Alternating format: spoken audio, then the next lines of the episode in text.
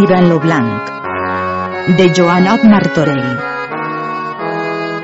Podcast en versió textos pits de l'edició a cura de Martí de Riquer.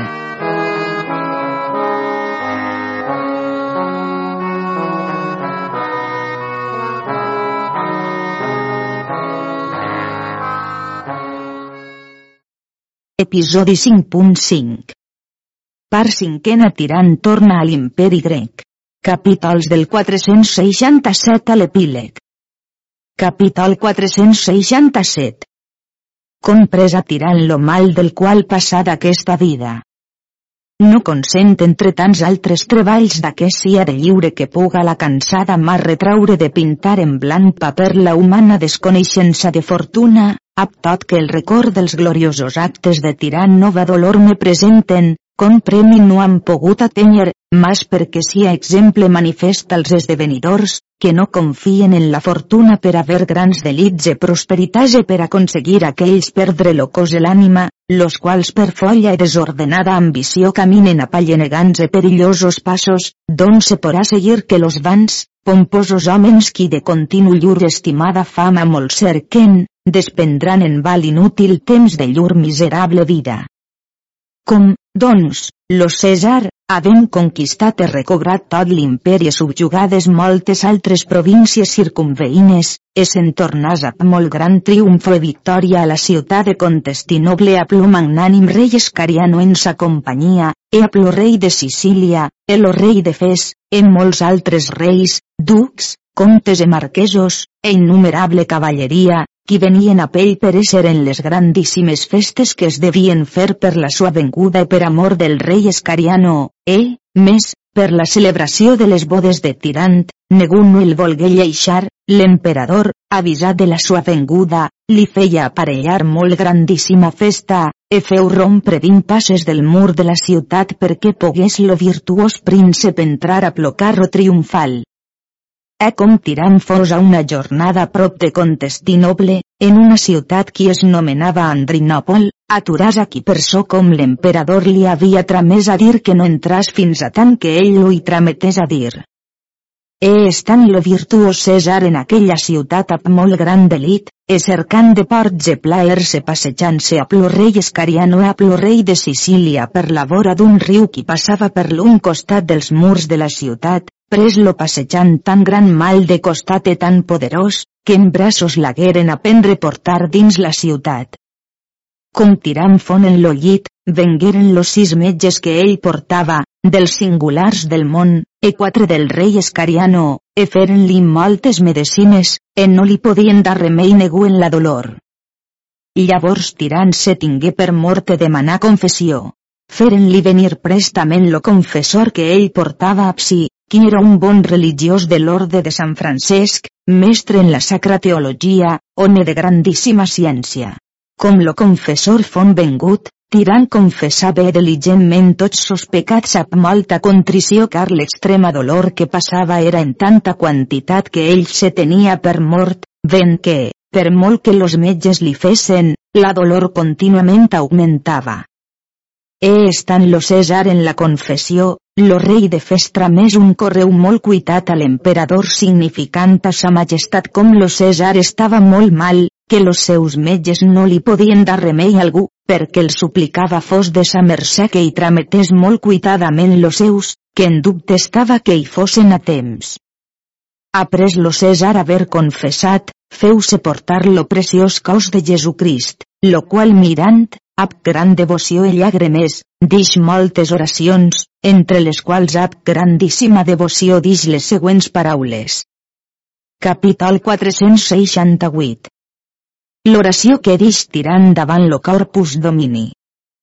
O Redentor de l'humanal llinatge, Déu infinit sobre natura, pa de vida, tresor sens preu, jo i ell incomparable, penyora segura dels pecadors, certa infal·lible defensa. O vera carn i sang del meu Senyor, anyell mansuet i sens màcula oferta l'amor per donar-nos eterna vida. O clar espill on la divina i infinida misericòrdia se representa. O rei dels reis, a qui totes les criatures obeixen. Senyor immens, humil, dolç i benigne. i com por jo regraciar a la vostra senyoria la tanta amor que a mi, fràgil criatura, haveu mostrada. No solament, Senyor, per los meus grans pecats sou vengut del cel en la terra, prenint aqueixa preciosa carn en lo ventre de la Sacratíssima Verge Maria, Mare vostra, i en apresna Déu subjugant-vos a les mundanes misèries per pagar los meus defalliments volgués comportar aspres turments, cruel passió i dura mort, posant en creu la vostra carn sacratíssima, mas encara aquella mateixa carn m'haveu deixada per medicina espiritual i salut de la mia infecta immaculada ànima. Infinides gràcies, Senyor, vos en fetes de tals i tants beneficis. Encara, Senyor, vos regracie les grans prosperitats que en aquest món m'haveu donades, eu suplique tan humilment com puc que, puix de tants perills m'haveu de lliurat, e ara me donau molt reconeguda, la qual jo accepte amb molta obediència, puix així plau a la vostra santíssima senyoria, en remissió e penitència dels meus defalliments, me vull donar, senyor, dolor, contrició i penediment dels meus pecats per atènyer de vos absolució i misericòrdia. Així mateix, senyor, m'ajudeu en conserveu en la fe, en la qual com a catòlic cristià vull viure morir, i em doneu la gran virtut d'esperança, perquè confiant de la infinita misericòrdia vostra, en ses de caritat, plorant i planyen los meus pecats, confessant, lloant, beneint exalçant lo vostre sant nom, esperant i demanant vènia i absolució, alt en paradís per vinga a l'eterna beatitud i glòria. He dites aquestes paraules, ell rebé amb moltes llàgrimes lo cos preciós de Jesucrist, que tots los qui en la cambra eren deien que aquest no demostrava ésser cavaller, mas un sant home religiós, per les moltes oracions que dix davant lo corpus. Com hagué donada refecció a l'ànima, feu-se venir lo seu secretari i feu ordenar son testament en presència de tots los qui a pell eren, lo qual era del tenor següent. Capítol 469 Lo testament que feu tirant. Com si a certa cosa lo morir, e a la criatura racional incerta l'hora de la mort, e com dels savis s'espera proveir a l'esdevenidor per so que, acabat lo peregrinar d'aquest miserable món, tornant al nostre Creador, davant la sua sacratíssima majestat, pugam donar compte i raó dels béns que ens són acomanats, e per amor d'açò, jo, tirant lo blanc, del llinatge de Rocasalada de la Casa de Bretanya, cavaller de la Garrotera i príncep i César de l'imperi grec, detengut de malaltia de la qual ten morir, emperò en Montseny, ferma integre manifesta paraula, presents mos senyors e germans meus d'armes lo rei Escariano e lo rei de Sicília, e lo meu cosín germà, lo rei de Fes, e molts altres reis, ducs, comtes e marquesos. En nom del meu Senyor Jesucrist faça orden lo present meu testament de darrera voluntat. En lo qual pos marmessors meus, e del meu present testament executadors elegesc, sois la virtuosa i excel·lent Carmesina, princesa de l'imperi grec esposa mia, elegregi e carcosin germà meu Diafebus, duc de Macedònia, als quals suplic carament tinguen la mia ànima per recomanada. E prenc-me per la mia ànima, de mos béns, cents mil educats, que si en distribuïts a coneguda voluntat dels dits meus marmessors. E, més, suplica als damunt dits marmessors, els done càrrec, que facen portar lo meu cos en Bretanya, en l'església de Nostra Senyora, on ja en tots los del meu parentat de roca salada, com aquesta sia ma voluntat. E, més, vull man que de mos béns sien donats a cascú de mon llinatge qui es trobaran presents en lo meu hàbit, cents mil i educats. E, més, lleis a cascú de mos criats e servidors de casa mia, cinquanta mil i educats. E de tots los altres béns e drets meus, los quals mitjançant lo divinal adjutar i jo m'he sabuts guanyar, e per la majestat del Senyor Emperador més estada feta gràcia, faça institueix creu meu universal a mon criat en nebot i pàl·lid de roca salada, que aquell en lloc meu sia posat, e succeesca, així com la mia persona a fer d'aquells a totes ses voluntats. Après que Tirant hagué fet son testament, deixa al secretari que escrivís un breu a la princesa en estil de semblants paraules. Capítol 470 Breu de comiat tramès per Tirant a la sua princesa. puix la mort a mi és tan veïna que més aturar no puc, no em resta més, per complir mon viatge, si no sols prendre de vos, senyora de preclara virtut, mon darrer, triste dolorós comiat. Puix la fortuna no vol ni ha permès que jo, com a indigne no mereixedor, haja pogut atènyer a vos, qui éreu lo premi de mos treballs, en on dolguera tant l'amor si en los vostres braços hagués finida ma vida trista i dolorosa, ma suplica vostra excelsa senyoria que no us deixeu de viure, perquè, en premi de la molta mort que us he tenguda, si au en record te tingau per recomanada la mia pecadora ànima, la qual amb molta dolor torna al seu creador, qui la m'havia comanada. Eh puix ma fortuna no em consent poder-vos parlar ni veure, qui crec foreu estada remei estalvi a ma vida, he deliberat escriure-us breu, perquè l'amor no em vol més prorrogar, almenys que si heu certa de ma extrema passió, ésser atès al darrer terme de ma vida. No us puc més dir, que la molta dolor que tinc no ho consent. Sol vos suplique de gràcia vos deman, que per recomanats tingau mos parents i servidors. Lo vostre tirant, qui besant peus i mans, la sua ànima vos comana. Capítol 471 Com l'emperador tramés lo duc de Macedònia i Hipòlit a plos metges, e com tirant, fent-se portar a Contestinoble, en lo camí passat aquesta vida. Après que lo príncep tirant hagué fet son testament, prega molt al rei Escariano, e al rei de Sicília, e al rei de Fes, que el fesen portar a la ciutat de Contestinoble ans que passàs d'aquesta vida, car la major dolor que tenia era com moria sens veure la princesa, e tenia creença i devoció que la sua vista bastava en donar-li salut i vida. E per tots fon deliberat de portar-lo i, atesa la molta voluntat que li veien. E los metges ho lloaren, per so com lo tenien per mort, e creient que per la molta consolació cauria de la vista de la princesa, a qui ell en extrem amava, natura podia obrar més que totes les medicines del món e prestament lo posaren en unes andes, e a coll d'homens lo portaren molt reposadament.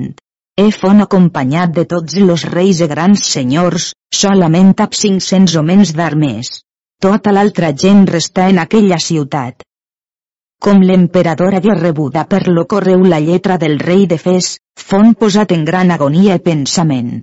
El o més secret que pogué, tramès per los seus metges, e per lo duc de Macedònia e per Hipòlit, e mostrar-los la lletra del rei de Fes, e pregar-los que prestament cavalcassen per anar-hi. Lo duc de Macedònia i Hipòlit, sens dir res a negu, isqueren de l'imperial palau e feren llur camí a plos metges, car l'emperador tenia dubte que si la princesa ne tenia sentiment, que s'esmortiria seria molt perillosa com lo duc de Macedònia i Hipòlita plos metges foren a mitja jornada de Contestinoble, encontraren a Tirant en lo camí e descavalcaren, e les andes foren posades en terra. Lo duc de Macedònia s'acostà Tirant e dis-li. Cosín germà, senyor, com està vostra senyoria? Respòs Tirant. Cosín germà, singular plaer tinc com vos he vist ans de la mia fi, car jo estic al darrer extrem de la mia vida, e prec vos que em beseu vos e Hipòlit, car aquest serà lo darrer comiat que de vosaltres prendré. El o duc Hipòlit lo besaren amb moltes llàgrimes. Après los dix tirant com los comanava la sua ànima la princesa, muller sua, que aquella tinguessin més cara que la sua pròpia persona. Lo duc li respòs. Senyor cosín germà, un cavaller tan animós com vostra senyoria s'esmaia tan fort. Confieu de la misericòrdia de nostre Senyor, que ell per la sua clemència i pietat vos ajudarà i us darà sanitat presta.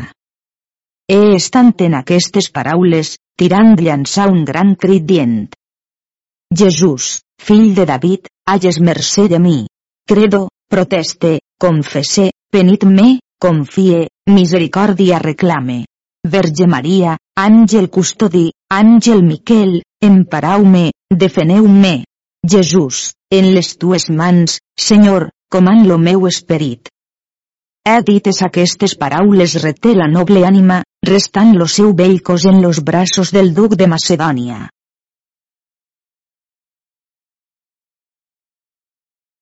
Los plors i los crits foren aquí molt grans per tots los que allí eren, que era una gran compassió d'oir, per so com per tots era amat lo príncep tirant.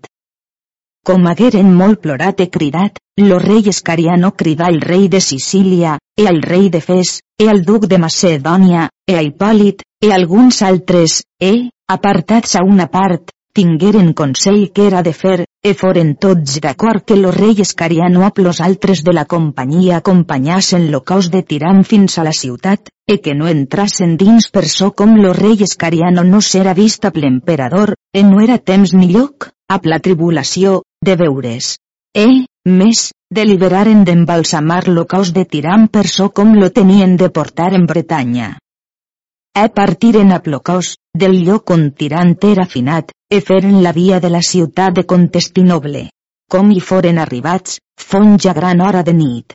Plegats al portal de la ciutat, lo rei Escariano pres comiat del rei de Sicília, e del rei Fes, e del duc de Macedònia, e d'Hipòlit, e a la sua gent se'n tornar a la ciutat on era partit, fent molt grans lamentacions, car lo rei Escariano amava en extrema tirant.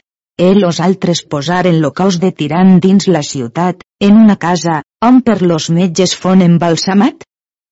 Après que l'hagueren embalsamat, vestiren-li un gipó de brocat e una roba d'estat de brocat forrada de marcs gebelins, e així el portaren a l'església major de la ciutat, soes, de Santa Sofia.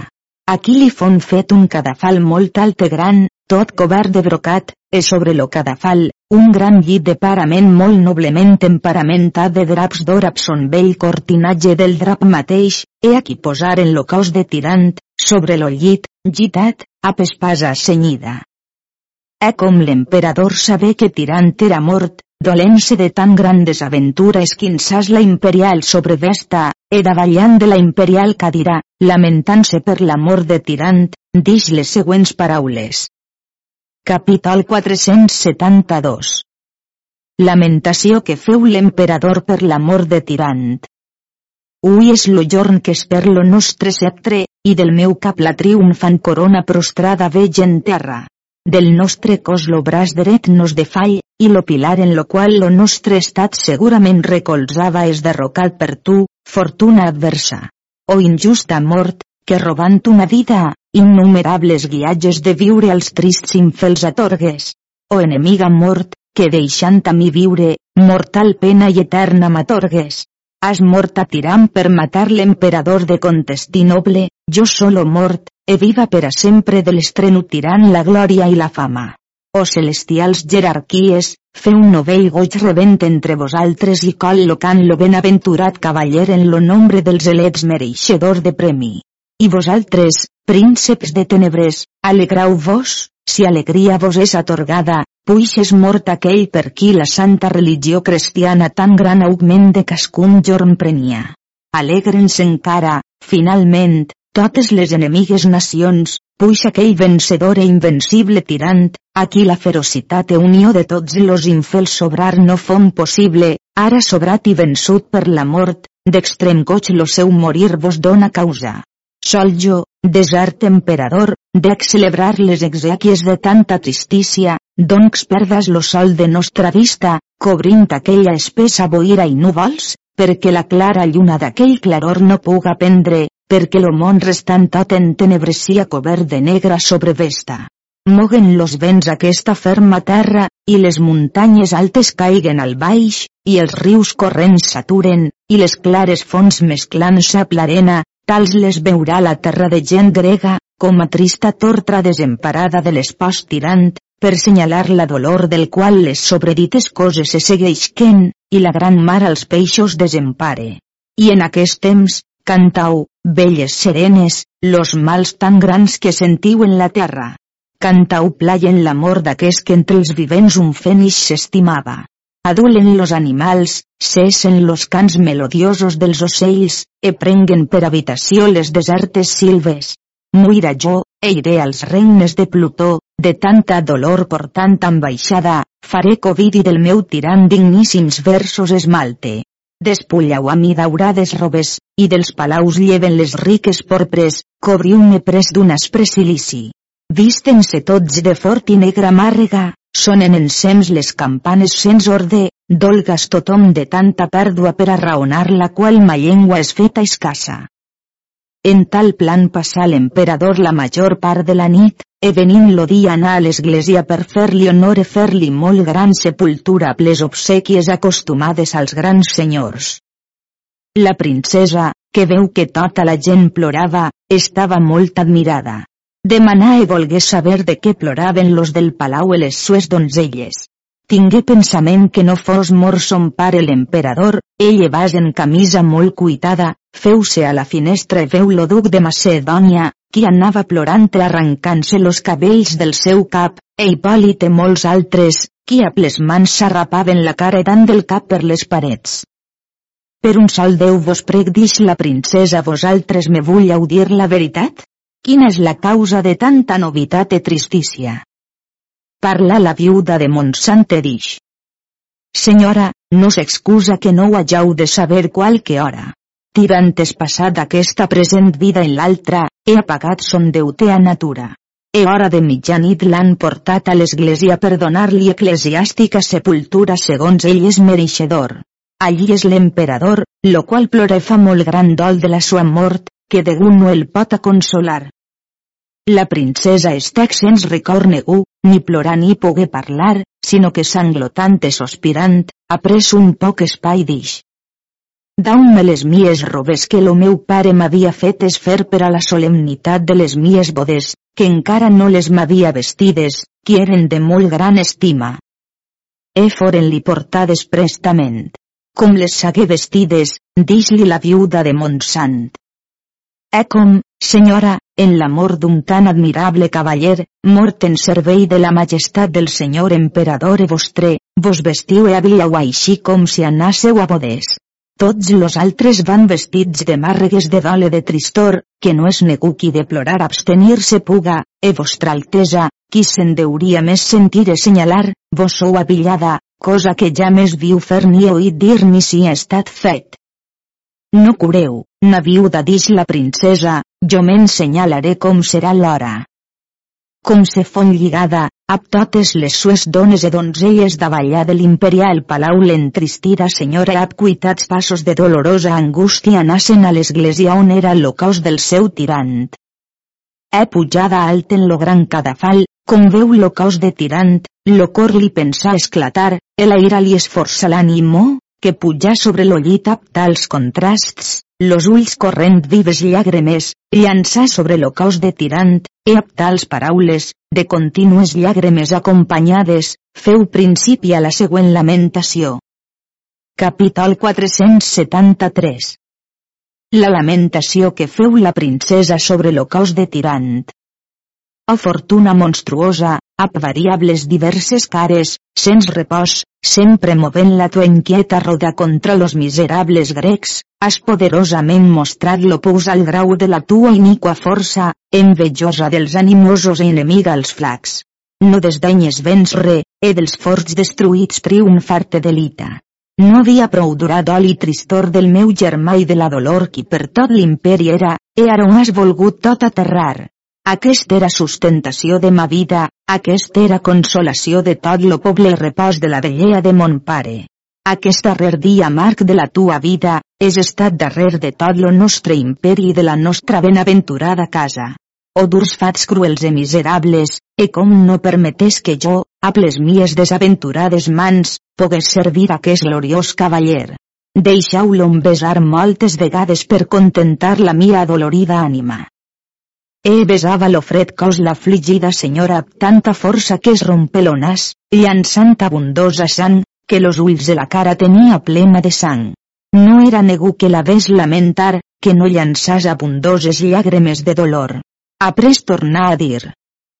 Puix la fortuna ordenat e vol que així sia, los meus ulls no deuen ja més alegrar-se, sinó que vull anar a cercar l'ànima d'aquell qui solia ésser meu tirant, en los llocs benaventurats on reposa la sua ànima, si trobar-la poré.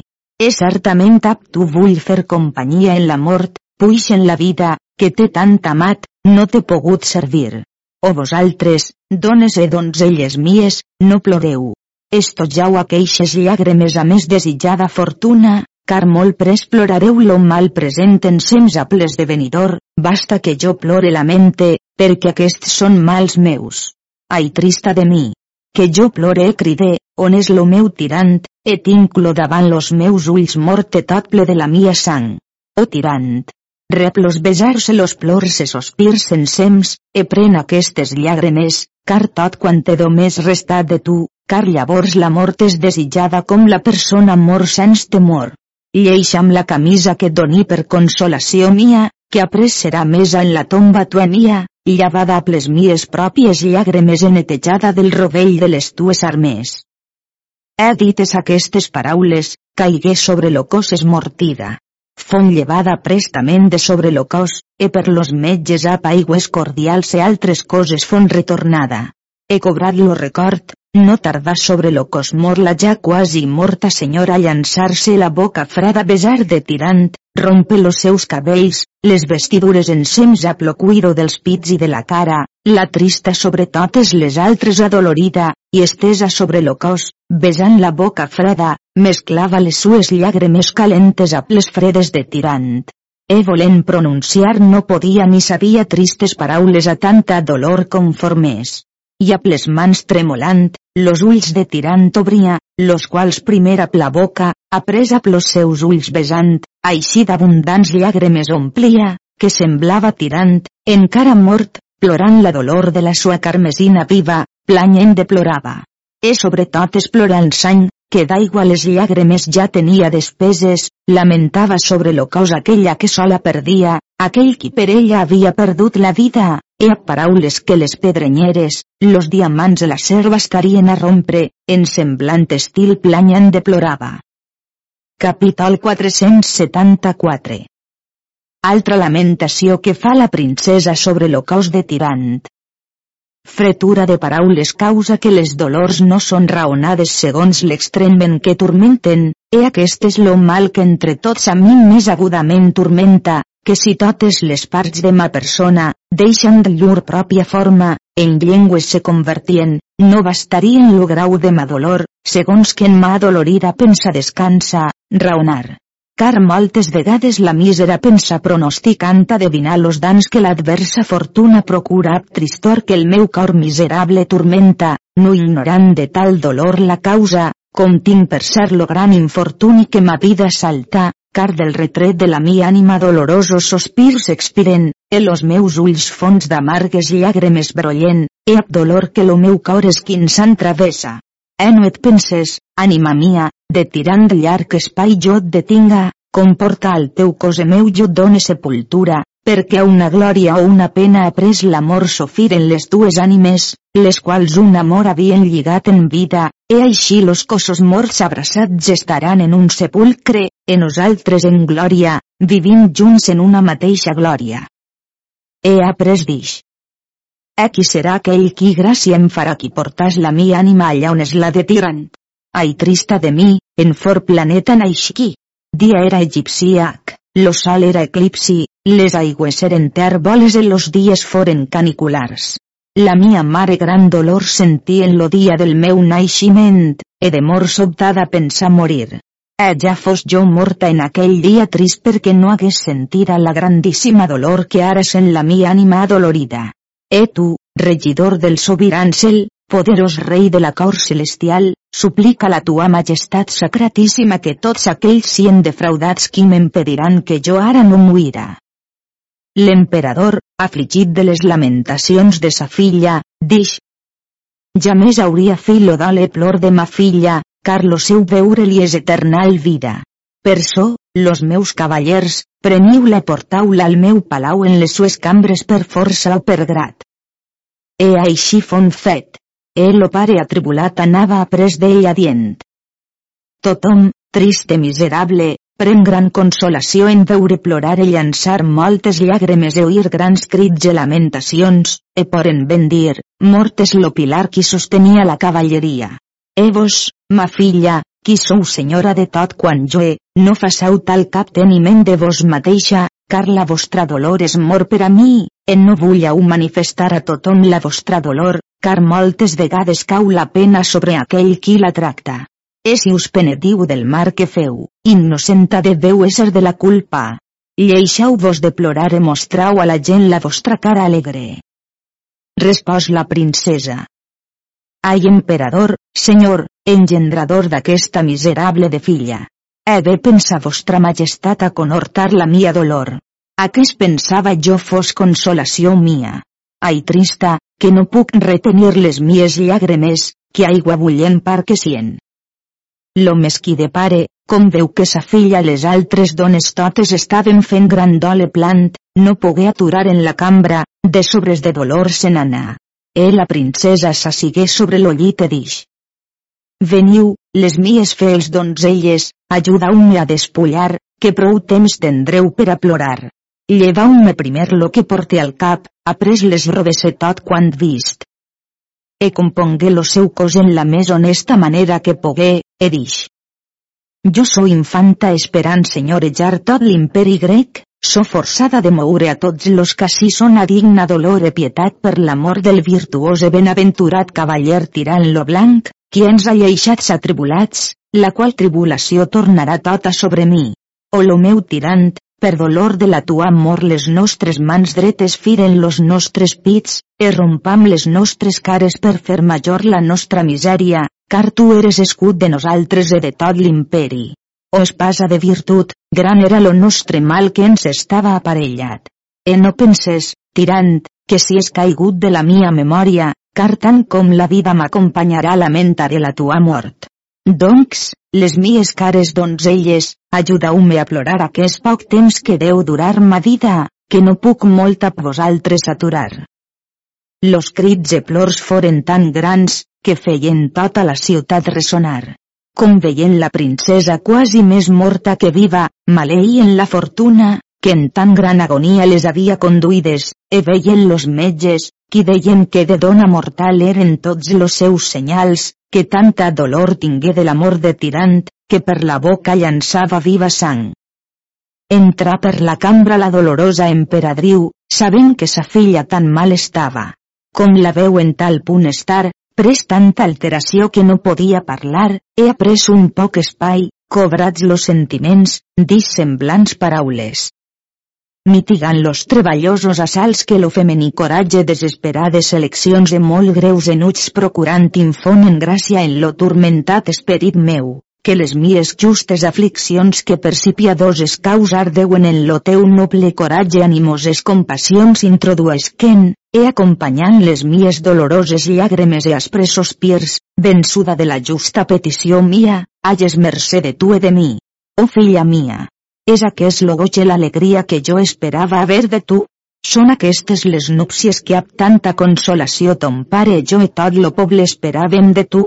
Són aquests los dies assignats de celebrar núpcies imperials? Són aquests los tàlems que acostumen posar a les donzelles lo dia benaventurat de les sues bodes? Són aquests los cants que s'acostumen de cantar en tals festes? Digau, ma filla, són aquestes aquelles alegres consolacions i benediccions que pare i mare donen a sa filla en aquell dia del seu repòs?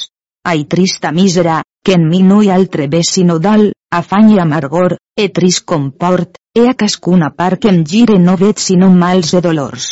Veig lo pobre d'emperador, qui en terra està agitat, veig les dones i donzelles, totes escabellonades, amb les cares totes plenes de sang, amb los pits descoberts enafrats van cridant per lo palau manifestant a tot lo món la llur dolor, e veig los cavallers e grans senyors, tots fan un dol, tots se lamenten, torcen-se les mans, arranquen-se los cabells del cap quin dia és tan amar que ple de tanta tristor. Veig tots los ordens dels frares venir a veus doloroses, en no es negu puixa cantar. Digau-me, quina festa és aquesta, que tots la colen. Escassament negu no pot parlar sinó amb cara de dolor. Ai, ves trista la mare qui tal fill apareix. Prec vos, ma filla, que us alegreu, e dau remei comporten aquesta dolor, e dareu consolació al vell i adolorit de vostre pare a la trista i desaventurada de vostra mare, qui amb tanta delicadura vos ha criada. E no pogué més parlar, tant la dolor la constrenyia. Capítol 475 Resposta que fa la princesa a l'emperadriu, mare sua. Si l'esperança de morir no em detingués dix la princesa, jo em mataria. Com me pot dir vostra excel·lència, senyora, que jo m'aconorte m'alegre, que haja perdut un tal cavaller, qui m'era marit senyor, qui en lo món part no tenia. Aquestes qui en sa tendra joventut subjugà a la virtut suatarres de pobles molt separats, la fama del qual serà divulgada en gran duració de segles o de mil·lenars d'anys, la virtut del qual començà a eixir en grans victòries. Aquestes qui no ha temut escampar la sua pròpia sang en camps de batalla. Aquest és lo qui ha venjades les injúries que han rebudes los grecs en los fets de les armes. Aquest és lo qui encalçar ardentment los que eren vencedors, he foragitat de tota Grècia, qui ha per nosaltres obtès ese vençudes tantes batalles. Aquest és qui tragué de catiu de poder d'infels tants nobles barons, cavallers e gentils homens, els restituïren llur primer estat. Aquest és qui tornà no res nostres treballs, que no era negu qui tingués gosar de defendre's. Aquestes quies vaides les hosts de nostres contraris, he subjugats e presos los majors senyors de tot lo poble morisc. Perquè em cal tant parlar, que jo no de ja haver temor de morir, ni excusar-me'n dec, per fer companyia un tan valerós cavaller entre tots los altres singular, car aquesta multiplicat i ajustat temps a la mia misèria, e no dec tembre res que de mal sia. Miserable cosa és haver temor de so com no espera haver res. O dolor. Manifesta los meus mals, car no es dona ni donzella en lo món qui puga ser dita miserable sinó jo. Doncs, donen-m'ho brapacavament al camí que ben començat, car la vida se concorda amb la mort. Feu-me venir ací lo meu protector pare senyor, perquè veja la mia mort la fi que faré, per so que li reste alguna cosa de sa filla. Com lo trist de pare fou vengut, suplical benignament se volgués gitar a la un costat, el emperadriu a l'altre, e ella estava enmig, e pressa a dir paraules de semblant estil. Capítol 476 Com la princesa ordenà la sua ànima e volgué confessar los pecats públicament. No dubtes, coratge temerós, de fer lo que tens en la voluntat, Umple la boca de paraules favorables a la tua atribulada pensant ja ore glòria tua d'aquell famós cavaller tirant lo blanc, qui d'ànimo i benignitat passava tots los altres cavallers, apte i destre més que tot altre. No li mancava altra cosa, per ser complit de totes les perfeccions i gràcies, sinó una poca de sant real que hagués tingut. Ara deixem les vanitats d'aquest món i façam lo que tenim de fer, car jo conec que la mi ànima del meu cos partir-se val per anar allà on és la de tirant. Perquè us prec a tots que em façau prestament venir lo meu pare confessor, qui era lo guardià del monestir del gloriós Sant Francesc, gran doctor en la sacra teologia, home de santíssima vida. Com font vengut, la princesa li dix. Pare, jo vull fer confessió general en presència de tots los que així són, car puix no he hagut vergonya de cometre los pecats, no vull haver vergonya de confessar-los públicament. He dit en la següent forma. Jo, indigna pecadora, me confessa Nostre Senyor Déu i a la Sacratíssima Verge Maria, Mare Sua, e a tots los sants i santes de paradís, e a vos, Pare espiritual, de tots los meus pecats que contra la majestat del meu Senyor Jesucrist comesos. He primerament confés que crec bé fermament en tots los sants articles de la Santa Fe Catòlica i en tots los sants sagraments de Santa Mare Església, en aquesta Santa Fe vull viure i morir, oferint i presentant-los a mon Déu i a mon Creador, protestant ara en l'hora de la mia mort, que jo no hi consent, ans ara, per llavors, he per revocat i anul·lat tot so que sia contra aquella. Eh, més, pare meu, confés jo, indigna pecadora, haver pecat, car he pres del tresor de mon pare, sens llicència voluntat sua, per dar a tiram perquè es mostràs, entre los altres senyors de l'imperi, més ric i liberal. Eh per so, senyor emperador, suplica vostra majestat de voler-me perdonar, e vaja en remuneració del tot que vostra altesa m'havia de dar. E deman-me perdó a nostre senyor Déu, e a vos, pare de confessió, penitència, car jo de bon cor m'en penit. E, més, pare meu, he pecat greument, car consentí que tirant, marit espòs meu, prengués la despulla de la mia virginitat ans del temps permès per la Santa Mare Església, de que me'n peniten demam venia i perdó al meu Senyor Jesucrist, e a vos, pare, ne deman condigna penitència. E, més, pare, me confés com no amat a mon Déu e Creador, ne servit en aquella manera que devia nes obligada, ans he despès la major part del meu temps en vanitats i en coses inútils a la mia ànima, perquè en deman venia i perdó a nostre Senyor, e a vos, pare, condigna penitència. E, més, pare, me confés com no he fet tan servada aquella honor, amor obediència que so tenguda al Senyor mon pare a la senyora ma mare, així com bona filla i obedient deu fer, ans algunes vegades he passat sos manaments, en gran dan de la mia ànima, de que en deman venia i perdó a mon Déu e creador a ells, e a vos, pare, condigna penitència. De tots los altres pecats que fets, cogitats i obrats, los quals a present no tinc en record, mas tinc en propòsit de confessar-los si tinc temps ni em venen a la memòria, mas suplica la misericòrdia del meu Senyor Jesucrist que, per la sua clemència pietat i per los mèrits de la sua sacratíssima passió, los me vull a perdonar. He de ara a vos, pare, penitència, car jo m'en penit de bon cor i de bona voluntat, e volguera no haver-los fets. Llavors lo confessor li feu fer la confessió general, he après l'absolgué a pena i a culpa, car bulla tenien del papa que tots los emperadors de Contestinoble i llurs descendents, en l'article de l'amor se podien fer absoldre a pena i a culpa. E aquesta gràcia havien obtesa per l'imperi romà que havien donat a l'Església. Com l'absolució fon feta, la princesa demanà li fos portat lo preciós cos de Jesucrist, e amb molta devoció i contricció rebé aquell, que tots los que en la cambra eren estaven admirats de la gran constància i fermetat d'ànimo que la princesa tenia, e les moltes oracions que dix davant lo corpus, que no fora cor de ferro en lo món qui oís semblants paraules, que no abundàs en moltes llàgrimes. Com la princesa hagué dada refecció a l'ànima, ella se feu venir lo secretari de l'emperador, e giràs a son pare dix-li semblants paraules.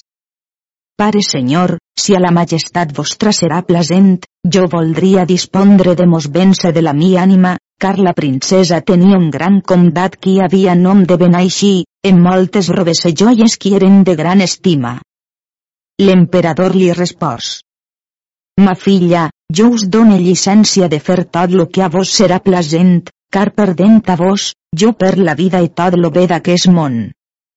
E la princesa l'oir gràcia li feu infinides gràcies. Et giràs al secretari i dis-li que continuàs lo seu testament en estil de semblants paraules. Capítol 477 Lo testament de la princesa com totes les coses mundanals sien transitòries i allenegables, e gu qui si en carn posat a la mort escapar no puixa, ans li és certa cosa lo morir, e les persones sàvies deuen dispensar e proveir en l'esdevenidor, perquè, complit lo temps del peregrinar d'aquest miserable món, tornant al seu creador amb molta alegria, puixa dar bon compte de la sua ànima, e per amor d'açò, jo, Carmesina, filla del sereníssim emperador de Contestinoble e princesa de l'imperi grec, detenguda en malaltia de la qual desitge so certa de morir, emperò en mon bon seny, ferma, entrega manifesta paraula, en presència de la majestat del senyor emperador, pare meu, e de la sereníssima emperadriu, mare senyora mia, e ab llur libera voluntat. En nom del meu senyor Déu Jesucrist, fase orden lo present meu testament de darrera voluntat mia.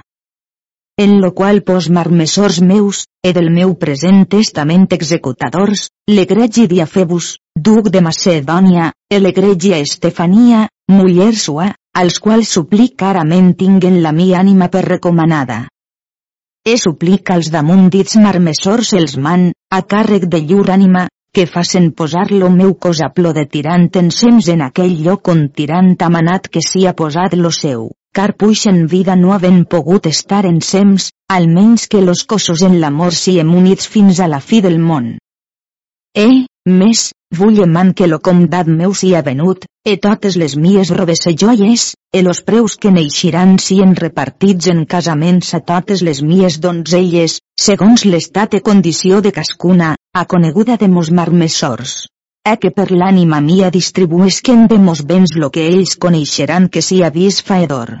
Tots los altres béns a drets meus, los quals tinc en l'imperi grec, fase institués creu a mia universal la preclaríssima emperadriu, mare senyora mia, que aquella en lloc meu sia posada i succeesca en tot l'imperi, com la mia persona, a fer d'aquella de tots los drets meus a ses pròpies voluntats. Com la princesa hagué ordenat de sosvença de la sua ànima, pres comiat de l'emperador, pare seu, besant-li les mans de la boca moltes vegades, e per semblant a l'emperadriu, sa mare, demanant-los amb molta humilitat perdó a la llur benedicció. Oh trista, mísera de mi dix la princesa. Jo veig l'emperador més mort que viu per ocasió mia. D'una part me tira l'amor de tirant, e de l'altra lo meu pare, cascuna part me vens. El lo miserable de pare, triste ple d'amargues llàgrimes, com veu estar sa filla en passament, que amb gran pena podia parlar, el li hagué oït dir tantes adolorides paraules, e veu lo gran plor que era en la cambra e per tot lo palau, amb gran torbació e fora de seny, quasi mig mort, se volgué llevar del llit per anar-se'n. E caigué en terra, car fallí-li l'esperit. E així esmortit, lo prengueren en braços. Passaren-lo en una altra cambra, e posaren-lo sobre un llit, e aquí finassos darrers dies, anys que sa filla la princesa. Los crits foren molt grans per l'amor de l'emperador, que fon forçat que vingués a notícia de l'emperadriu i de la princesa. L'emperadriu cuità tant com pogué, ella fon passat l'emperador d'esta vida. Pensau la miserable senyora quina devia estar, veure morts marit, filla gendre. Negu no em demane de semblant dolor com en aquell palau era. He tanta tribulació venir en un dia. Dix la princesa. Ajudau-me a seure en lo llit i oideu les mies paraules. Bé sabeu tots generalment com, per mort de l'emperador, pare meu, jo so succeïdora en l'imperi grec.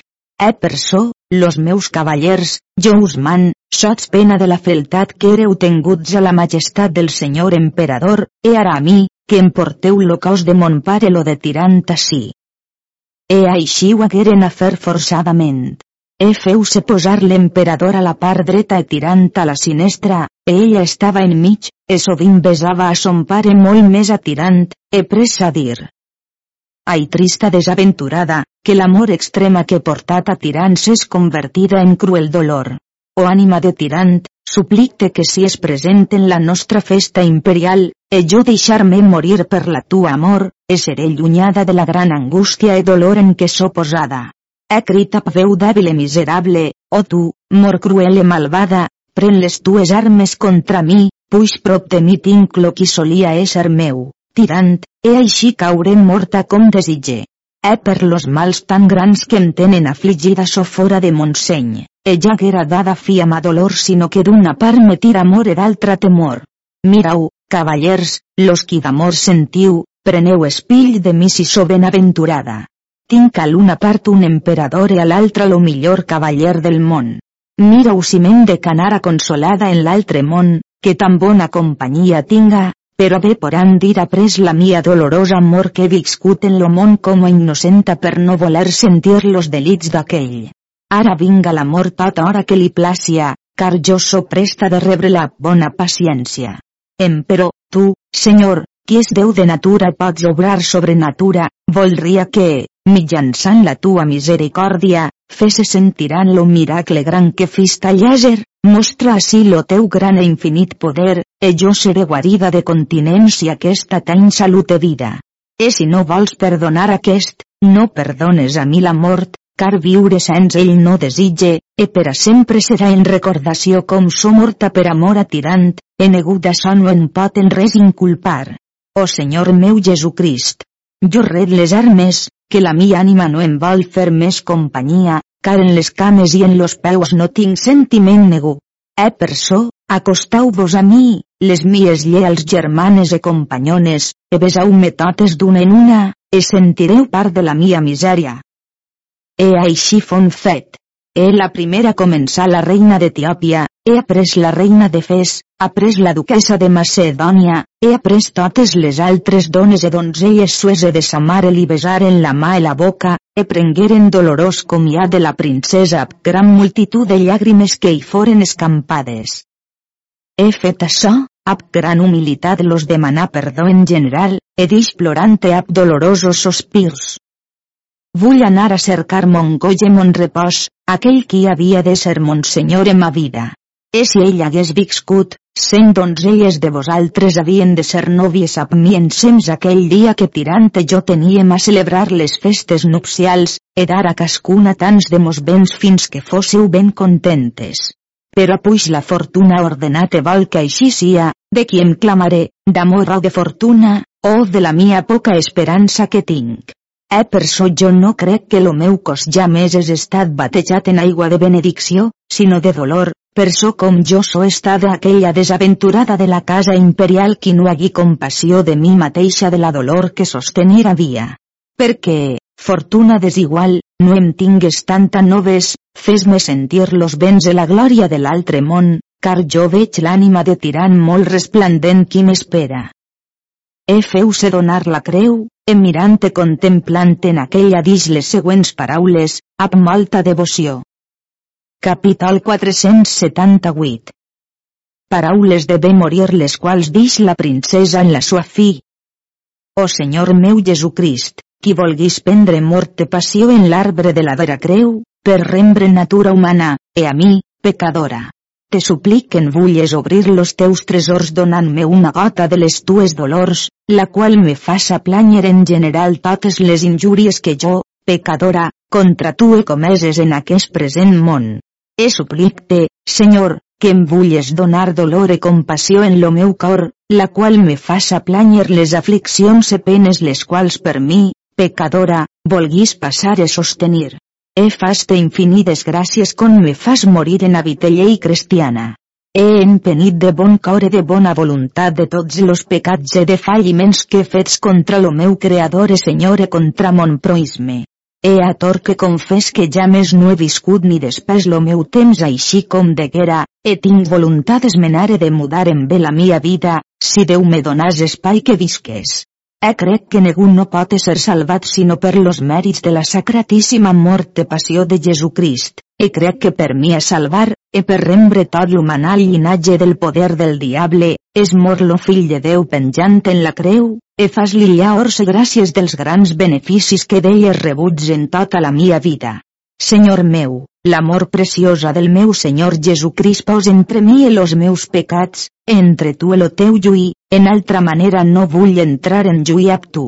Senyor meu, l'amor preciosa del meu Senyor Jesucrist pos entre mi i la tua ira. Pare meu e Senyor, en les tues mans precioses comand lo meu esperit, car tu has remut a mi, qui és Senyor de pietat i ple de molta misericòrdia. Senyor meu gloriós, tu has trencat ja sols los meus lligams, em però per amor d'açò a tu sacrificaré hòstia de llaor, el teu sant nom invocaré, aquell de tot mon cor reclam, e la sua ajuda deman. E vaig men en nom del Pare, qui m'ha creada a imatge semblança sua, en nom de Jesucrist, fill de Déu viu, qui per mi arrembre del poder del diable ha sofert cruel mort de passió, en nom del Sant Esperit, qui en mi és escampat. E en nom dels sants àngels i arcàngels, trons e dominacions, principats e potestats, en nom dels sants patriarques e profetes, apòstols, màrtirs e confessors, monges, vergens e viudes e continents, e de tots los sants e santes de paradís. Ui sia lo meu lloc en repòs en pau, e la mia habitació sia ui alt en la ciutat gloriosa de paradís. O Déu misericordiós, clemente piadós, que segons la multitud de les tues misericòrdies deleis los pecats dels penidents, ell ves per venia i perdó les culpes dels crims passats. Atene guarda benignament sobre mi, pecadora serventa tua, e açò per mèrits e pregàries de tots los sants benaventurats. Senyor, oges a mi, pecadora, qui ab confessió entrega, e ab tot mon cor demane a tu remissió de tots mos pecats. Renovella en mi, Pare molt poderós, tot que en mi per frevoltat de la carn és estat corromput e desitjat, e tot so que per engant del diable és estat vençut e sobrat. Ajunme, Senyor, a unitat de la tua santa Església Catòlica, és sia remuda de la tua santa redempció. Hages mercè, Senyor, dels gemecs de mi, serventa tua, qui no aguda confiança en altra cosa sinó en la tua pietat e misericòrdia. De lliurar, Senyor, la mia ànima així com de lliuriste en hora del diluvi de les aigües, així de lliurar, Senyor, la mia ànima. Així com de lliuriste Elies enuc de l'amor comuna del món, així vulles de lliurar la mia ànima de tots los perills d'infern, e de tots los llaços, penes de turments d'aquell, e de llurs malvats habitadors. De lliurar, Senyor, la mia ànima així com de lliurist Isaac del sacrifici del coltell que Abram, son pare, tenia en les mans, el lot, de la destrucció de Sodoma i de Gomorra, e Moisès, de la mà de Faraó, rei d'Egipte. De lliurar, Senyor, la mia ànima així com de lliurís Daniel del llaç dels lleons, e los tres infants Sidrac, Misac, Abdenago, del foc de la fornal, e a Judic, de la mà d'Holofernes, e Abram, del foc dels caldeus, e Job, de les sues passions, e Susanna, del fals crim, e David, rei, de la mà de Saul e de Golies, gigant, e Sant Pere Sant Pau, apòstols, del cars re dels lligams en què eren posats, e Santa Tecla, del cruels turments. Així et plàcia, Senyor, de lliurar la mi ànima de tot perill infernal, e a tu la faces alegrar alt en los goigs perpetuals de paradís, en los quals se deliten les ànimes santes ara per tos temps. E comante, gloriós Senyor, la mia ànima, e precte que no vulles menysprear-la, car per la salvació sua davallís del cel en la terra. E regoneix, Senyor, la tua criatura no per deus estranys creada, mas per tu sols, Déu viu e verdader, car no hi ha altre Déu sinó tu, ni no hi ha Déu qui puixa fer les tues obres. Alegra, gloriós Senyor, la mia ànima de la tua preciosa presència, e plàciat que no et recorden les mies iniquitats antigues, ni les follies les quals ha commogudes la furor e fervor del seu mal desig. Car ja tzia, Senyor, que haja fallit e pecat, em però lo Pare lo Fill el Sant Esperit he fermament confessat, he tenguda ferma crença que tu est, he adorat, lloat e glorificat a tu, qui és Déu Totpoderós, e qui has fetes totes coses a la tua sola paraula. Molt humilment te prec, Senyor meu, que no et recorden los pecats de la mia joventut, ni les mies ignoràncies, mas si es recordant de mi, pecadora, segons la tua gran misericòrdia. E en la glòria de la tua santa claredat si en me oberts los cels. A tu, Senyor meu gloriós, qui és Déu gran e poderós, coman la mi ànima per tal que, morta al món, visca ab tu, e dels pecats que fets per frevoltat de la conversació humanal, tu, Senyor meu, me benetja la tua pietat e misericòrdia. E coman, Senyor, en les tues sagrades mans lo meu esperit, per so que lo príncep de tenebres no em puixa noure, mas tu, Senyor meu misericordiós, l'on defen, en ta guarda lo pren. E rep, Senyor, la mia ànima, qui torna tu, he vist la de vestidura celestial, he a veure la de la font de la vida eternal, per tal que entre los alegrants s'alegre, entre los sabents sàpia, entre los sants màrtirs corona reba, entre los patriarques e profetes s'alegre, entre los sants apòstols Jesucrist seguir puixa, entre los sants àngels la claredat tua vetja, entre los edificis de paradís goig perpetual poseesca, entre los querubins e serafins la majestat tua contemple. Errep, Senyor, l'ànima de la tua serventa, la qual del cars redaqués monte plau a pellar, e de lliuram dels llaços e de les penes infernals. Senta, Senyor, la benaventurança del repòs del cel de la llum eternal, e merite d'haver, a plos teus sants elets, vida glòria perdurable. O Déu complit de tot amor e bonea, al qual solament se pertany de perdonar, medicina de vida pres la mort. Atorga'm, Senyor, que la mia ànima, llunyada i despullada dels vicis terrenals, sia col·locada entre la companyia per tu remuda. E comand-me a Déu, qui m'ha creada. He dient aquestes e semblants paraules, la princesa reté l'esperit al seu creador. He font vista gran claredat d'àngels en la sua fi, qui s'emportar en la sua ànima pla de tirant, qui aquí era present en la sua fi, qui l'esperava.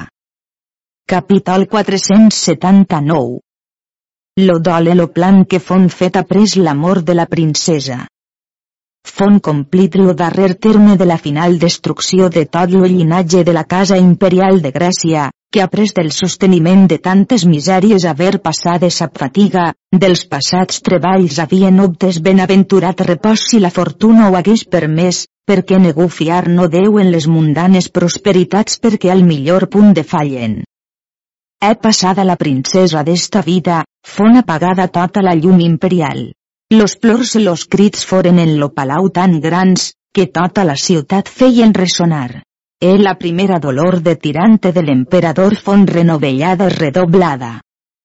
La trista de l'emperadrius es mortí per tal manera que los metges no la podien fer retornar, e Hipòlit se batia lo cap de la cara pensant-se que fos morta.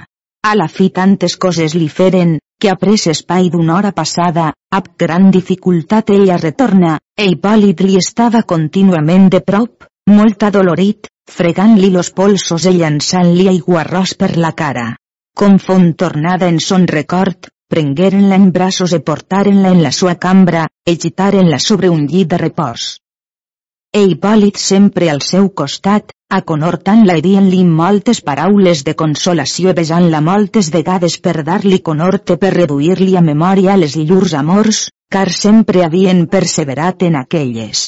El emperadriu, qui l'amava més que a sa filla ni a si mateixa, per la gran bondat i gentilea que havia trobat en Hipòlit, ell era estat sempre molt obedient en tot lo que per ella li era manat.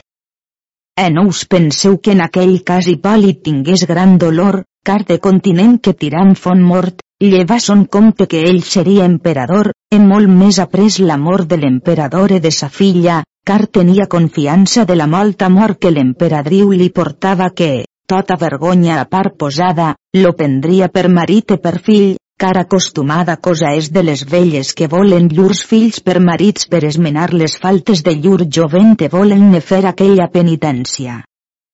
Après que l'emperadriu hagué passades algunes raons a Pipòlit a plovejar-li foren remeiades un poc les dolors, dis semblants paraules a Hipòlit. Mon fill és senyor, Prec-vos que com a senyor vull humanar e dar orde que les obsequies sien fetes de l'emperador, de ma filla de tirant, perquè après se puixa complir lo desig vostre meu.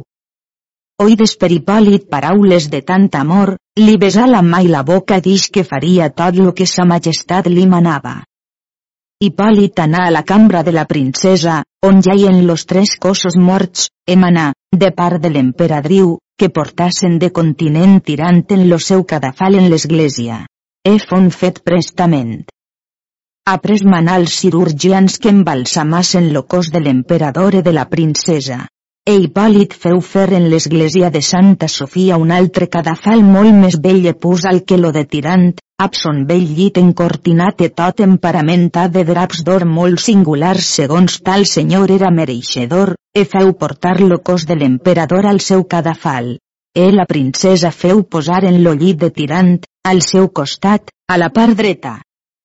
E feu fer crida per tota la ciutat que tots aquells qui volguessin portar dol de l'emperador o de la princesa o de tirant, que anassen en certa casa que ell tenia consignada en la ciutat, que aquí los darien drap per a màrregues, així a homes com a dones.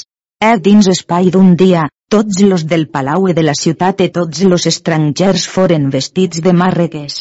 E, més, lo virtuós i pàl·lid proveí que, de dos jornades en torn de Contestinoble, vinguessin tots los eclesiàstics, així frares com capellans i monges, per fer les obsequies del defuns, e trobaren doscents per compte. E assignaren la sepultura fos feta al quinzen dia après la mort de l'emperador. E tramès per tots los barons de Gràcia, així aquells qui eren a plagent d'armes com els altres qui eren en llurs heretats, que fossen presents a les obsequies de llur senyor l'emperador.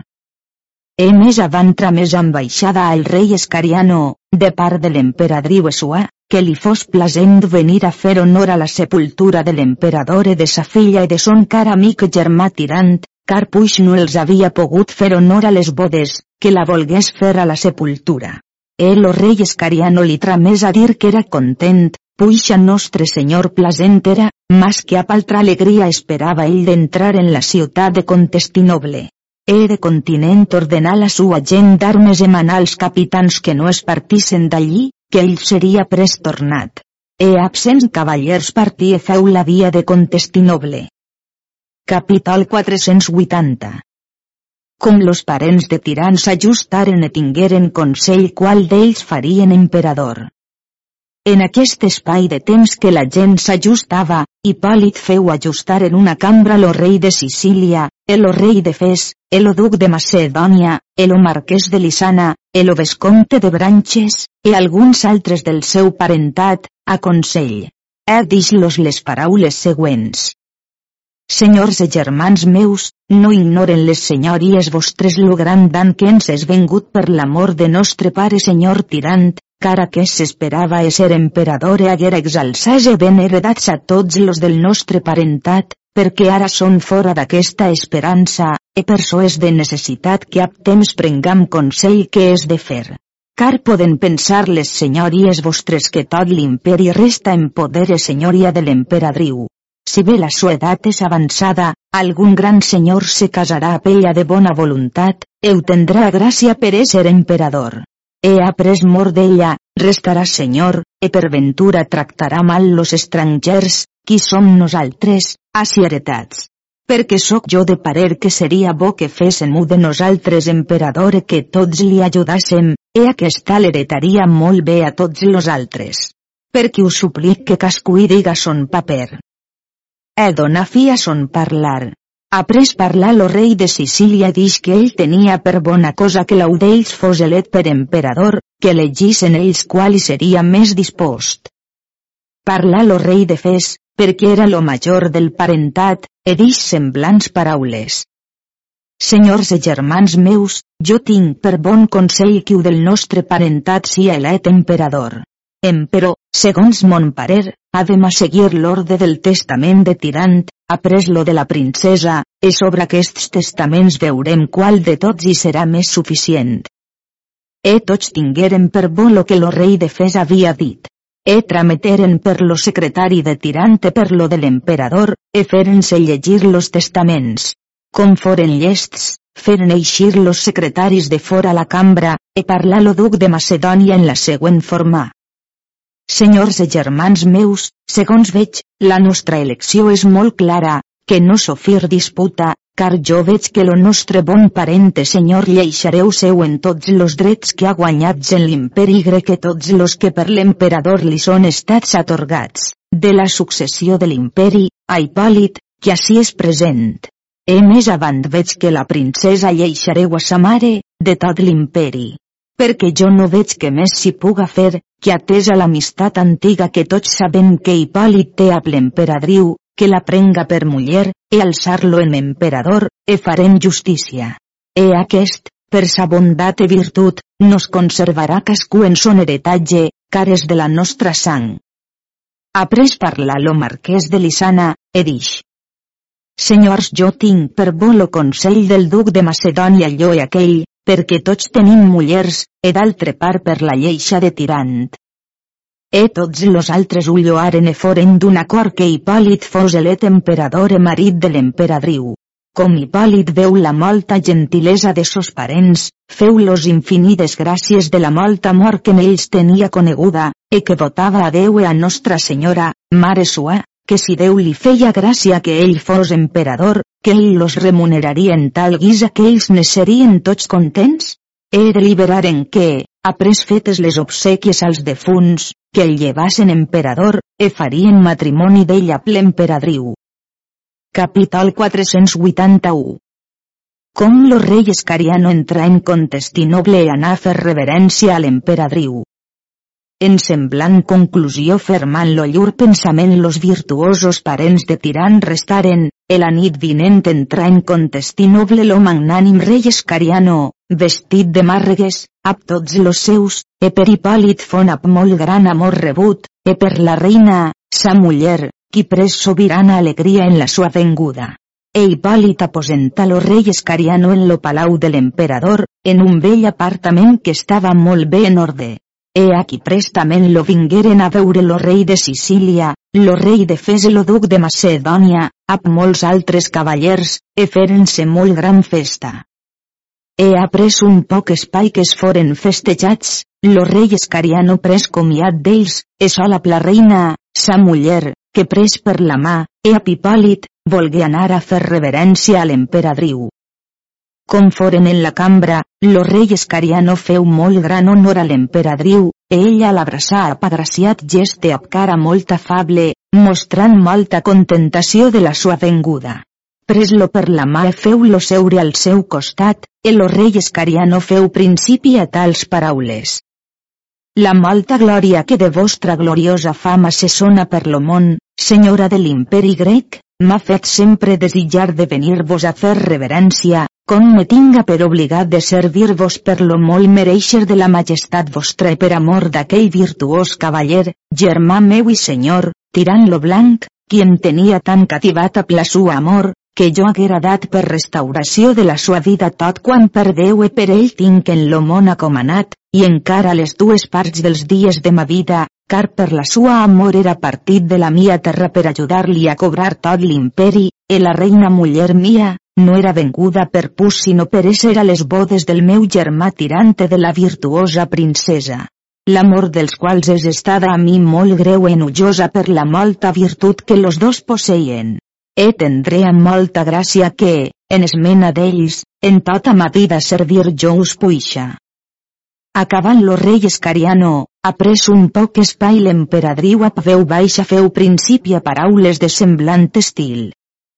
Molta glòria és per a mi que un rei tan magnànime i virtuós me diga paraules de tanta afabilitat, car sols del dir-vos ne reste obligada. E regracieu molt la vostra vista i molt més los treballs que haveu passat per venir-nos ajudar en dar fi i compliment a la conquesta, la qual, per gràcia de nostre Senyor, e per los treballs vostres e del meu benaventurat fill tirant, és venguda a bona fi. Em però és estada ben comprada a la pèrdua de tres persones, les majors e millors que en tot lo món fossin. Era so jo no me'n puc gens alegrar per haver perdut lo major bé que tenia ni podia tenir en aquest món, e serà a mi augment de dolor e tristor per a tots los dies de la mia trista vida. E ap aquestes paraules l'emperadriu no pogué més parlar, sinó que abundà en vives llàgrimes. El o rei Escariano se pres a plorar per fer-li companyia. Com un poc hagueren plorat, lo rei Escariano a consolar molt a l'emperadriu a paraules molt gracioses, e parlaren de moltes coses de consolació que l'emperadriu resta molta consolada, e prengueren comiat de l'emperadriu perquè gran part de la nit era passada, e anaren a reposar. E Hipòlit aquella nit anà a dormir a l'emperadriu, e recitar-li tot lo parlament que havia tingut amb sos parents, e com tots havien determinat amb bona concòrdia. Que us prengués per muller. Jo, senyora, bé conec que no so digne de tant de bé, ni mereixedor de ser vos marit ni encara servidor, mas confie de la molt amor e virtut de vostra altesa, que m'accepte per catiu de vostra majestat e confiau de mi, senyora lo meu bé, que us seré tan obedient que en poreu millor manar i amb major senyoria que fins ací fet no haveu, car no desitgi ja més res tant com és que lo meu servir vos fos accepte. Respòs l'emperadriu en semblant formar. Mon fill Hipòlit, no ignores la molta amor que jo et porte, e tindré molta gràcia que tu em vulles prendre per muller. Em però pots pensar, mon fill és senyor, que encara que jo sia vella, no trobaràs ja més qui t'entame. E per mi te serà fet amb molta honor, e seràs molt prosperat, car per la molta virtut e gentilea que sempre he coneguda en tu, m'ha conort, per posseir a tu, de totes les altres coses. Llavors Hipòlit li volgué besar los peus i les mans. El emperadriu no ho comportà, sinó que l'abraçà i besa estretament passaren aquella delitosa nit molt poc recordants d'aquells que jaien en los cadafals esperant que els fos feta l'honrada sepultura.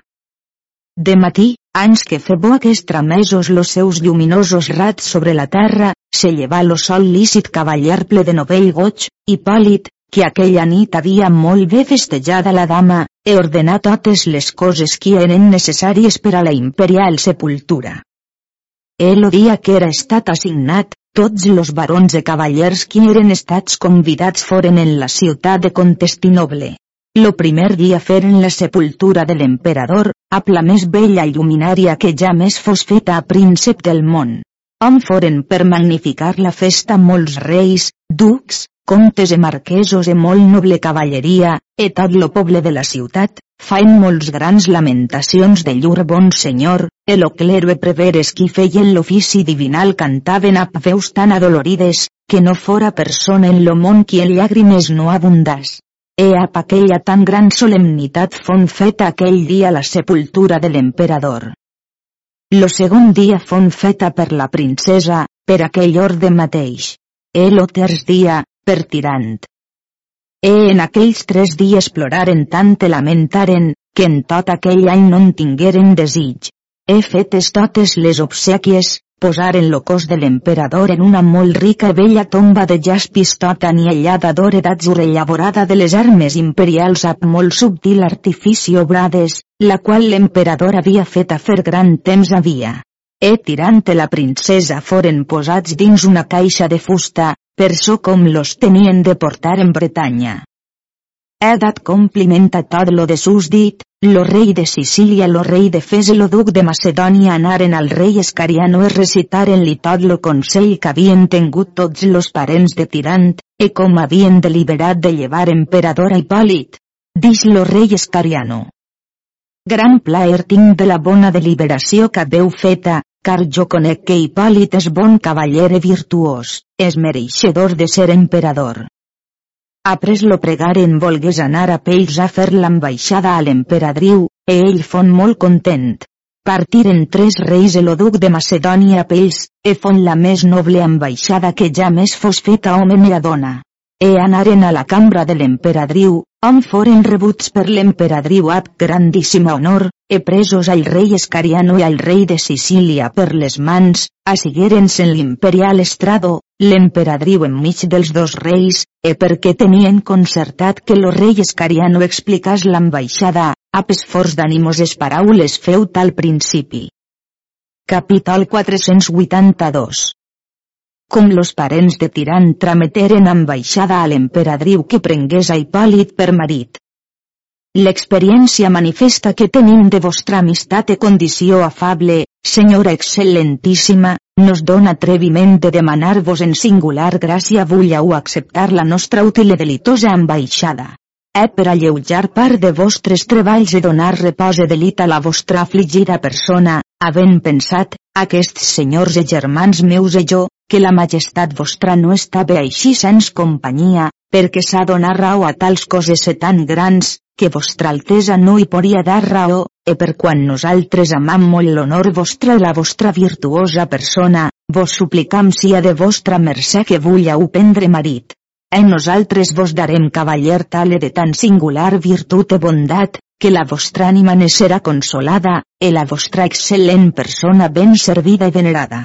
He suplicam a vostra excel·lència que no us vulleu enutjar del que diré, que no ignora la majestat vostra lo bon estament que l'imperi grec es posa per la virtut e singular cavalleria del bon cavaller tirant, e los drets e gràcies que per la majestat del senyor emperador li foren atorgades, e com d'aquells drets ell ha fet hereu a Hipòlit, nebot seu e pot pensar vostra excel·lència que no podríeu regir-ne senyorejar tants barons e grans senyors com són en l'imperi, ne defendre aquells dels enemics infels qui són circumveïns de l'imperi.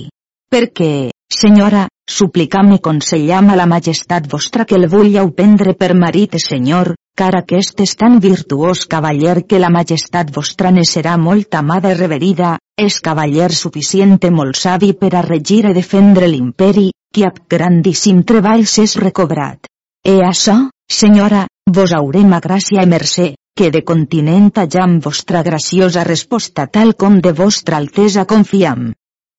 Plagueren a l'emperadriu les virtuoses paraules del rei Escariano, e un poc espai tardà en donar-li tal resposta. Capítol 483 La resposta que feu l'emperadriu als ambaixadors de la celsitud de la senyoria de vosaltres, magnànims e virtuosos senyors, està la mia pensa així a la llengua alterada, que igualment estime difícil refusar o acceptar la vostra demanda. Què farà, doncs, m'atribulada a pensar, en fortuna vàlida, ab contrasts de tan diversos béns combatuda, que consell sobre cas necessari no es comporta.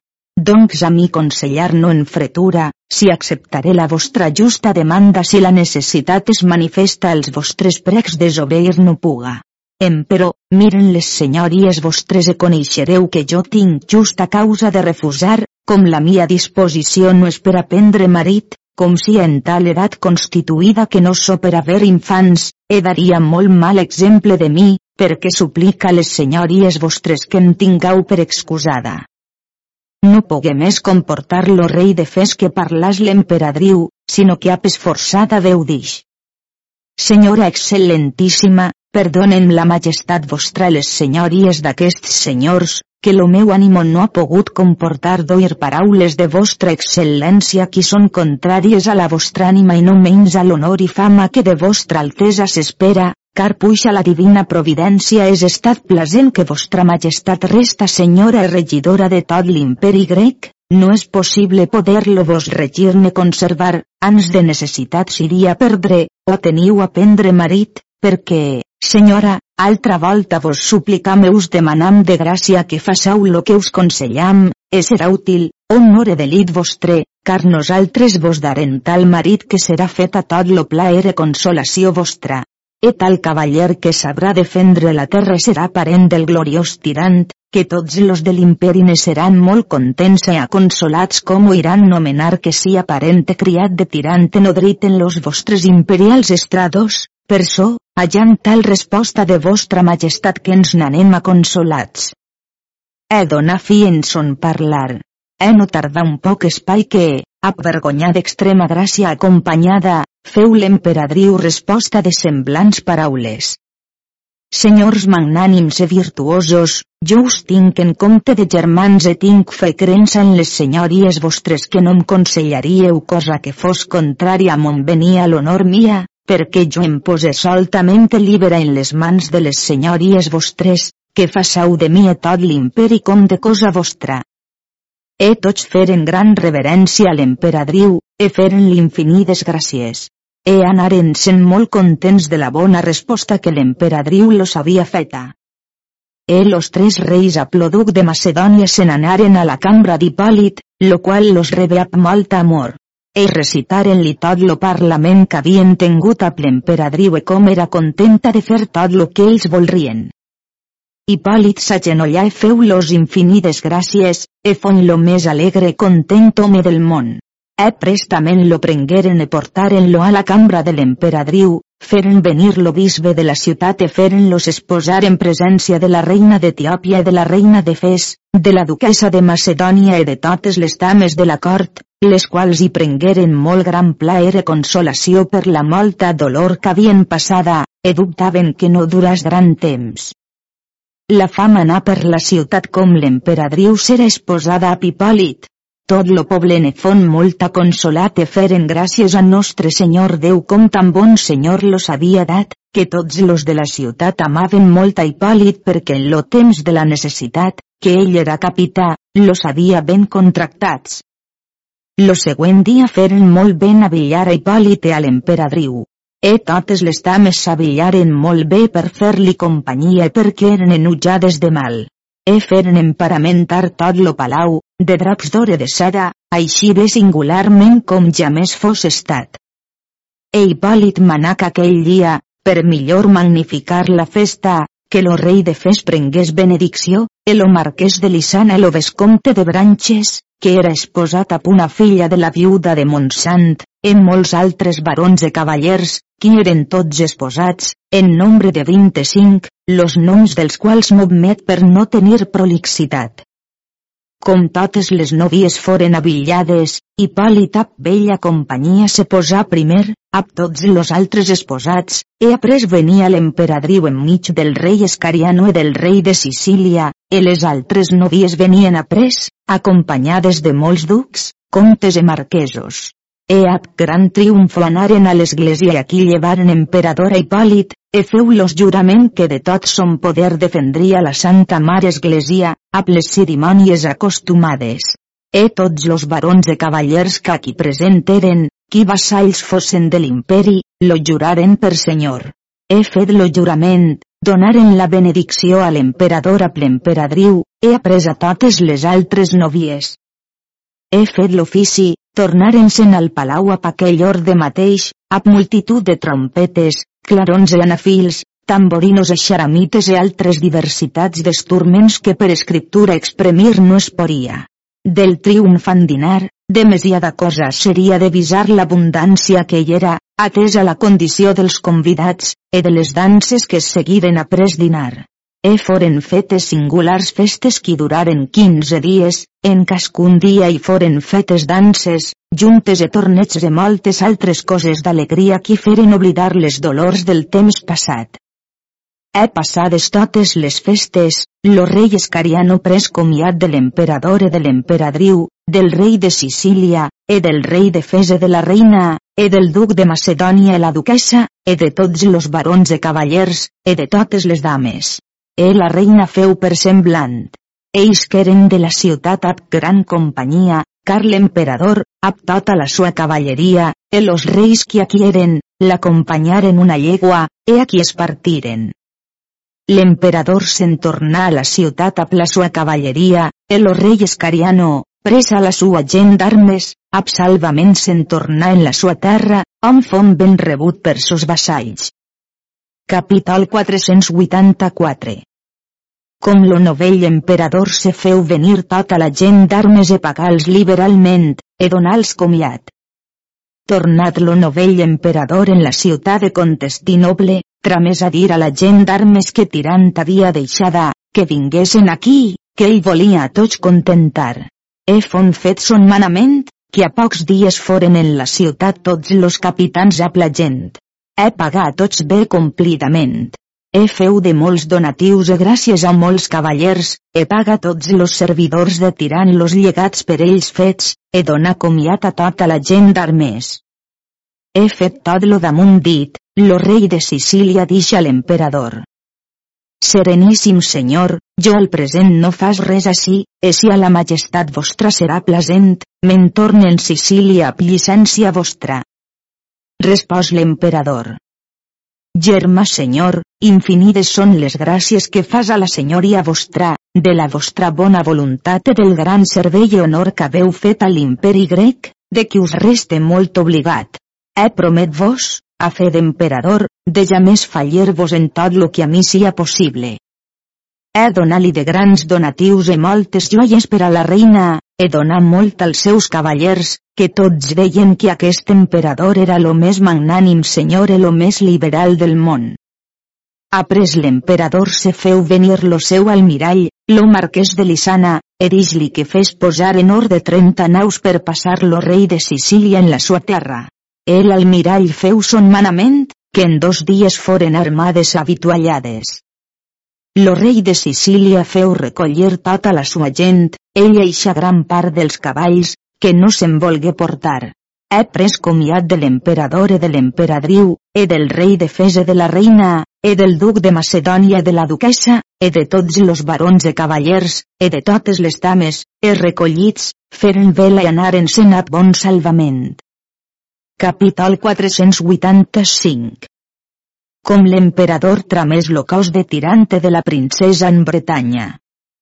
Partit que fon lo rei de Sicília, l'emperador pregà molt al rei de Fese al vescomte de Branches que volguessin portar lo cos de tirante de la princesa en Bretanya. E ells li digueren que per amor de sa majestat de tirant, que ho farien de bona voluntat. L'emperador manà a l'almirall que fes posar en ordre 40 galeres perquè anassen a llur honor. E prestament foren armades e posades en ordre. L'emperador havia fet a fer una caixa de fusta, molt vella, tota coberta de planxes d'or totes esmaltades e obrades de molt subtil delicadura, que bé paria sepultura de gran senyor. E feu i posar lo cos de tirante de la princesa, tots vestits de brocat fet de fil tirador, perquè ja més se pogués podrir, a la cara descoberta, que paria que dormissen. E feu recollir la caixa en una galera, e feu i posar totes les armes de tirant totes les banderes e sobrevestes que portava sobre les armes, per so que fossin meses sobre la sepultura on hauria tirant, perquè en fos memòria per a sempre. He donat l'emperador al rei de fes 200.000 educats perquè es fes fer en Bretanya la sepultura de tirante de la princesa segons lo llur molt mereixer. Com totes les coses foren en orde, lo rei de fes la reina, sa muller, prengueren comiat a l'emperador e de l'emperadriu, del duc de Macedònia de la duquessa, e de tota la cort, e recolliren-se, e lo vescomte de branches a pells. E feren vela, e anaren tant e tan bon temps, que en breus dies foren en Bretanya a bon salvament. El o rei de Fes la reina el o vescomte de Branches, ap molts nobles e cavallers isqueren en terra en una ciutat qui es nomena Nantes, e aquí per lo duc de Bretanya, e per la duquesa e per tots los del parentat foren molt bé rebuts e festejats. E prengueren la caixa de tirante de la princesa, ap gran professor de molts capellans, frares e monges, lo portaren a l'església major de la ciutat, e fon posada dins una tomba, que quatre grans lleons sostenien, la qual tomba era obrada d'un molt clar alabaust, e a l'entorn per los extrems d'aquella, de lletres gregues buidades de finor, se llegien tals paraules. Lo cavaller que en armes fon lo fènix, i la que fon de totes la pus bella, morts són així en esta xica tomba, dels quals lo món ressona viva fama. Tiran lo blanc i l'alta carmesina. Eren los lleons sobrats en un menys entretallada la tomba de diverses colors, or, atzur altres esmals, amb molta arte delicadura. A la part dreta de la tomba se mostraven dos àngels, e altres dos a la part sinestra, los quals tenien dos grans escuts, l'u de les armes de tirant, l'altre de les armes de la princesa.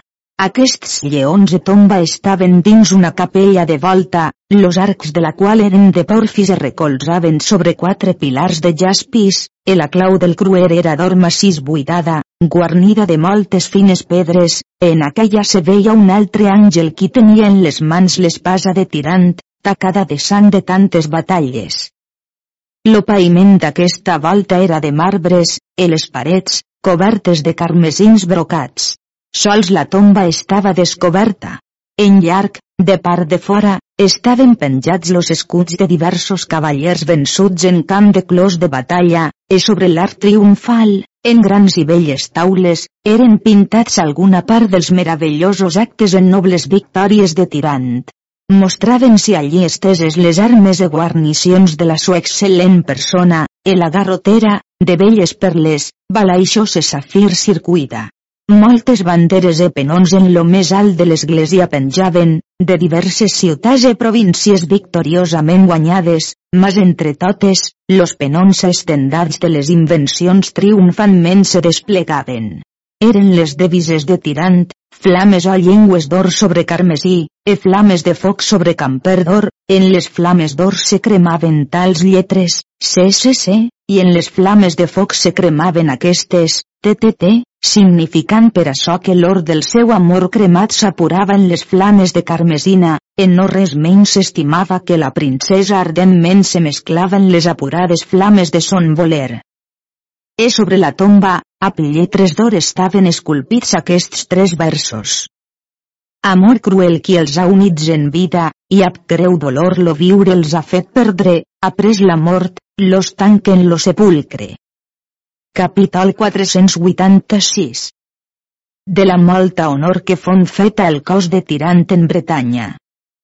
No es podia per llengua exprimir les grandíssimes solemnitats que foren fetes en Bretanya en la sepultura de tirant, car per lo duc de Bretanya, e per la duquesa, e per tots los parents e parentes de Tirant fon fet molt gran dol de la sua amor com saberen los actes d'immortal recordació que per ell eren estats fets, e la gran prosperitat en què pujat era. E en aquell cas ja era mort lo pare la mare de Tirant. El o rei de fes molt grans almoines e beneficis per l'ànima de Tirant feu, e de la princesa, que després molt bé copiosament los 200.000 i educats que l'emperador li havia dats. He festejat molt per lo duque per tots sos parents, deliberar de tornar-se'n en la sua terra, car sis mesos havia estat en Bretanya per dar bon compliment a tot lo que l'emperador li havia dat càrrec. Lo rei de Fes la reina prengueren comiat del duque de la duquesa i de tots los parents, qui tenien gran dolor de la llur partida. El o vescomte de Branches pres, per semblant, comiat de tots. A recolliren-se'n les galeres, e feren llur dia de vers les terres del rei de Fes. E nostre senyor los donat amb bon temps, que en breus dies foren en lo port de Tanger. E aquí que lo rei de Fes la reina, ap tota la sua gent. E lo vescomte de Branches, ap les 40 galeres, se'n torna en contestinoble ap bon salvament, e fon molt ben rebut per l'emperador, qui desitjava molt saber lo que havien fet en Bretanya. Lo vescomte de Branches feu molt discreta relació a l'emperador de tot lo que havien fet, així com per sa majestat era estat manat. L'emperador hi pres molt gran plaer, e comprà de continent lo comdat de Benaixi, qui era de la princesa, per 300.000 ducats, e donà al vescomte de Branches en premi de sos treballs. Après donar a tots aquells qui seren casats amb les criades de l'emperadriu i de la princesa bones heretats, que en podien molt bé viure a llur honor e cascú segons son grau, que tots n'estaven molt contents? He après per temps casar totes les altres, així com de bon senyor se pertanyia. Capítol 487 Com l'emperador tragué de presó lo soldalo turc, e feu pau e lliga a pells. La fortuna pròspera favorí tant aquest emperador Hipòlit, e fon tan virtuós cavaller, que augmentà, per salta cavalleria, molt l'imperi grec, e ampli aquell de moltes províncies que ell conquistà, e ajustà molt gran tresor per la sua molta diligència. Fon molt amat e temut de sos súbdits encara dels veïns senyors qui li estaven entorn de l'imperi. He après pocs dies que ell fon fet emperador, feu traure de presó lo soldalo gran turc que tots los altres reis i grans senyors qui a pells presos eren, e feren pau e treva a cent un any, e festejals molt, que ells ne foren tan contents que li feren moltes submissions e de grans ofertes tota hora que els hagués mester, de valer-li contra tot lo món. Après l'emperador, ab dues galeres, los feu passar en la Turquia. Aquest emperador Hipòlit visqué llong temps. Emperò, l'emperadriu no visqué, après de la mort de sa filla, sinó tres anys. El emperador, après poc temps, pres una altra muller, la qual fon filla del rei d'Anglaterra. Aquesta emperadriu fon de grandíssima bellea, honesta, humile molt virtuosa i devotíssima cristiana, la qual gentil dama parí de l'emperador Hipòlit tres fills i dues filles, los quals fills foren molt singulars cavallers e valentíssims, el fill major fon nomenat Hipòlit així com lo pare, he visqué tota la sua vida com a magnànim senyor e feu de molts singulars actes de cavalleria, dels quals lo present llibre no recita, ans ho remet a les històries qui foren fetes d'ell.